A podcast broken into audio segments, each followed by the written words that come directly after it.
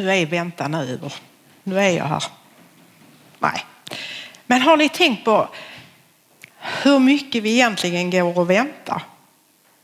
Eh, vi kanske väntar på att väckarklockan ska ringa för att vi har vaknat innan, att vi ska få gå upp. Vi väntar på att vi ska köra till jobbet. Vi väntar på att skolan ska börja. vi väntar på ett besked om, om ett nytt jobb. Eller om vi får komma in på den skolan som vi har sökt. Det programmet. Någon kanske väntar på att första tanden ska börja lossna riktigt ordentligt så man kan få dra ut den. Någon kanske väntar på helt nya tänder. Någon väntar på en resa och längtar. Någon längtar efter ett litet barn. Vi väntar och väntar. Och nu väntar vi kanske egentligen allra mest på att vi ska få reda på att vi ska kunna få leva precis som vanligt igen. Jag tror detta är vårt nya vanliga egentligen. Men om man läser i Bibeln, där är ett par. Jag blir väldigt fascinerad av dem ju mer jag läser om dem. Ni kanske känner till dem. Abraham och Sarai tror jag det uttalas. Där kan vi prata väntan. Jag ska bara ta lite kort. Jag egentligen ska jag ta en grej innan jag pratar om Sarai och Abraham. Jag ska berätta om ett annat äldre par som gick in på restaurang. Lite skröpliga och sånt där. De gick och satte sig vid bordet och tog fram menyn och började läsa. Frun hon satt där med glasögonen och hon läste för mannen och han mm. Mm. Och hon läste upp menyn. Mm, sa han. Så kom servitrisen fram. Sa, kan jag, vill ni beställa? Ja, vi vill ha en 90 grams hamburgare med ketchup och senap lite dressing. Och så tar vi en pommes och en liten Coca-Cola. Ja, så. Och så vänder hon sig till mannen. Och till dig? Nej, han ska inte ha någonting. Säger frun. Mm, säger han bara. Och hon går iväg, servitrisen och de andra runt omkring och tänker men vad är detta? Är det, har, har de inte pengar eller vad är det? Och någon erbjuder sig, vi kan köpa en portion till så att ni får varsin. Nej, nej, det är så bra, säger hon.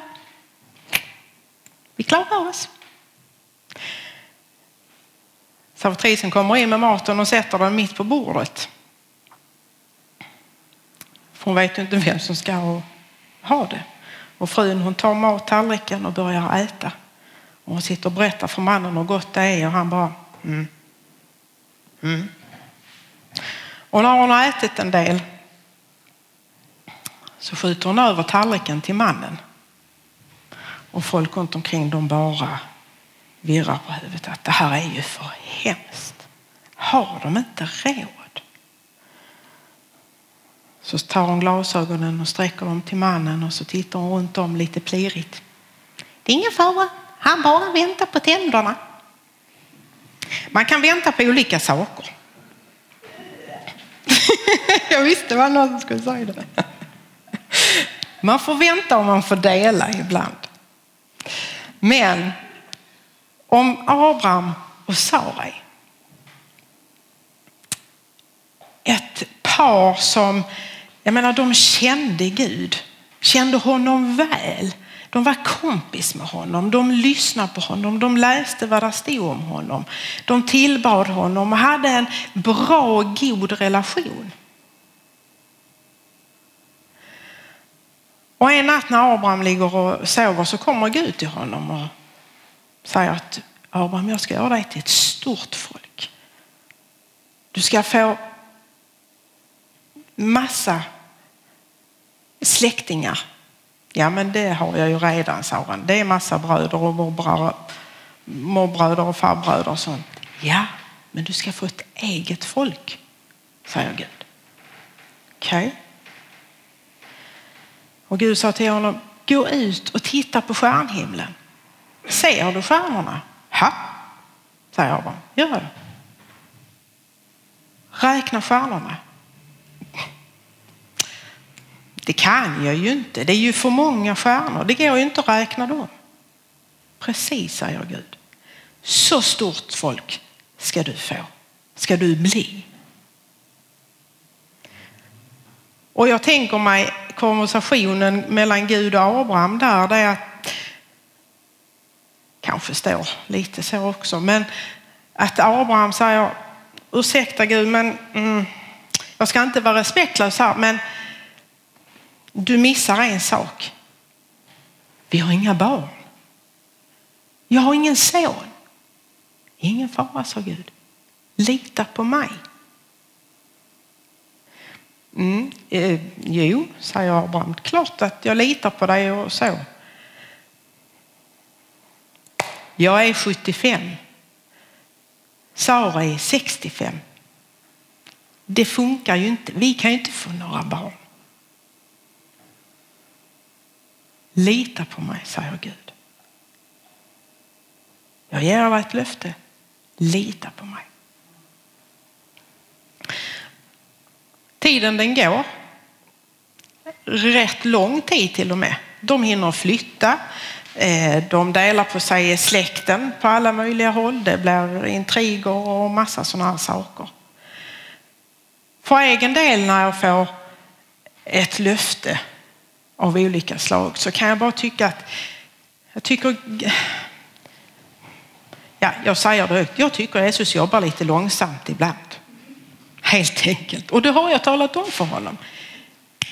Kan vi öka takten lite? Kanske. Måste du vänta till sista minuten? Vilket jag upplever att det många gånger är. När man står precis på kanten till vad det nu är, vi säger till ett jobb. Att inte veta, har jag ett jobb eller inte? Och precis, precis på den där gränsen så kommer det, ja, jag har ett jobb exempelvis. Jag tror det är lite för att Gud vill att vi ska be mer och han vill testa oss lite. Är du uthållig i tro? Ber du? Be och tacka. Ibland så kan man ju tycka då att Gud eh, jobbar då lite långsamt så att man tar tag i saken i egna händer. Vilket Abraham och Sara också gjorde. Abraham skaffade, fick en son med en annan kvinna.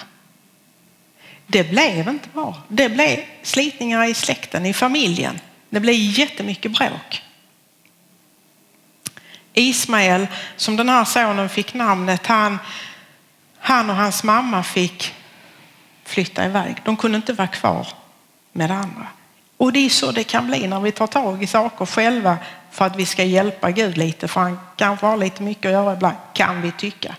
Då blir det inte bra.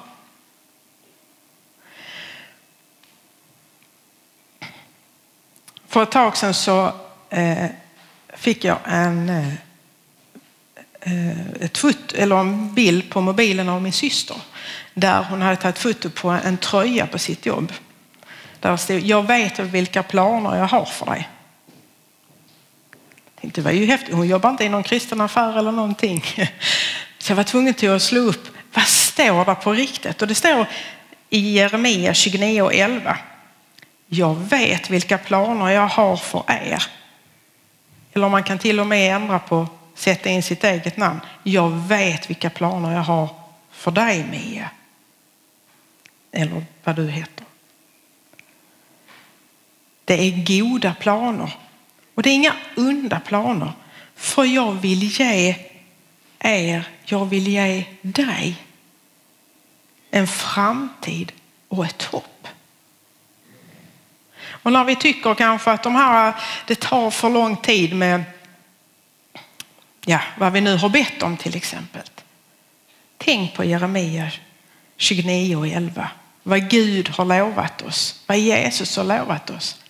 Jag har goda planer för er. För dig. Det är inga onda planer. En bra stund, många år senare, med Abraham och Sari så satt Abraham i ett tält. De hade liksom kommit till rätta på sitt nya ställe och ja, de hade varit med om en hel massa saker. när han ser att det kommer tre män komma gåendes. Och han känner igen dem och han bjuder hem dem till sig. Kom, kom, kom.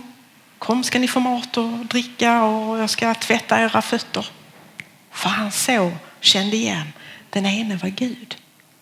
Han var på och sa, snabba dig nu, du får liksom baka bröd av det allra bästa mjölet.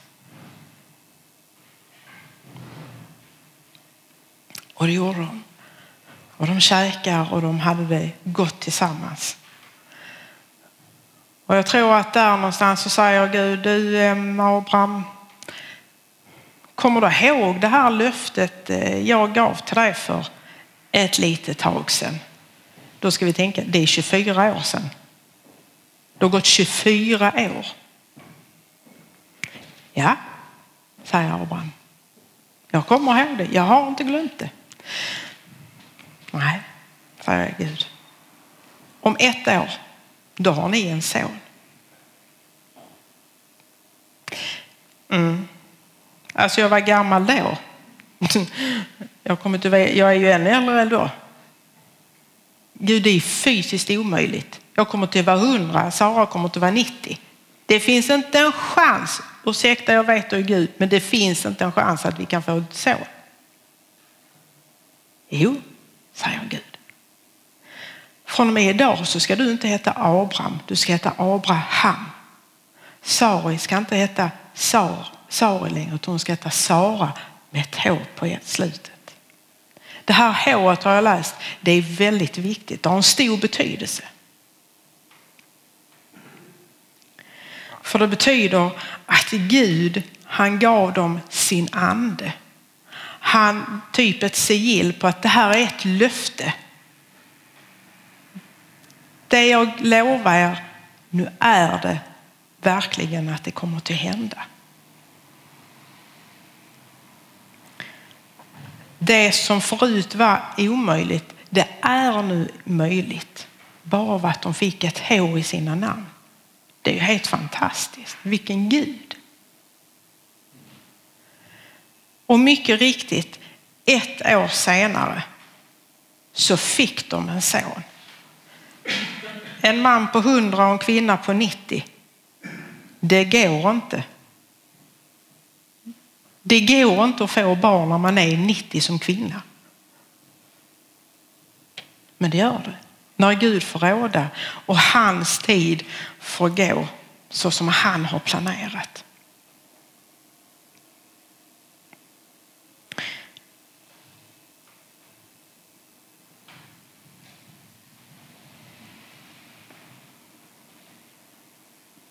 Vi får aldrig glömma att Gud är med oss. Hur jobbigt vi än kan ha det.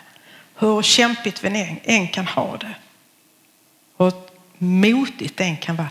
Eller hur roligt och bra och rikt vi än har det. Vi får aldrig glömma att be. Vi får aldrig glömma att tacka. Vi får aldrig glömma att be välsignelse över oss. För Gud är med oss. I Filipperbrevet, jag tänker sluta där, så är, står det i 4, kapitel 4 och vers 4 till 7. Så står det så här. Var alltid fyllda av glädje i Herren. Jag säger det igen. Var glada. Låt alla se att ni är osjälviska och omtänksamma, omtänksamma i allt ni gör. Kom ihåg att Herren, han kommer snart. Oroa er inte för någonting utan be till Gud om allt. Tala om för honom vad ni behöver. Och glöm inte att tacka honom. Då kommer Guds frid som är långt underbarare än vad vi kan någonsin kan förstå. Att ge era, våra tankar och vårt sinne ro och skydd genom tron på Jesus Kristus. Ta emot detta.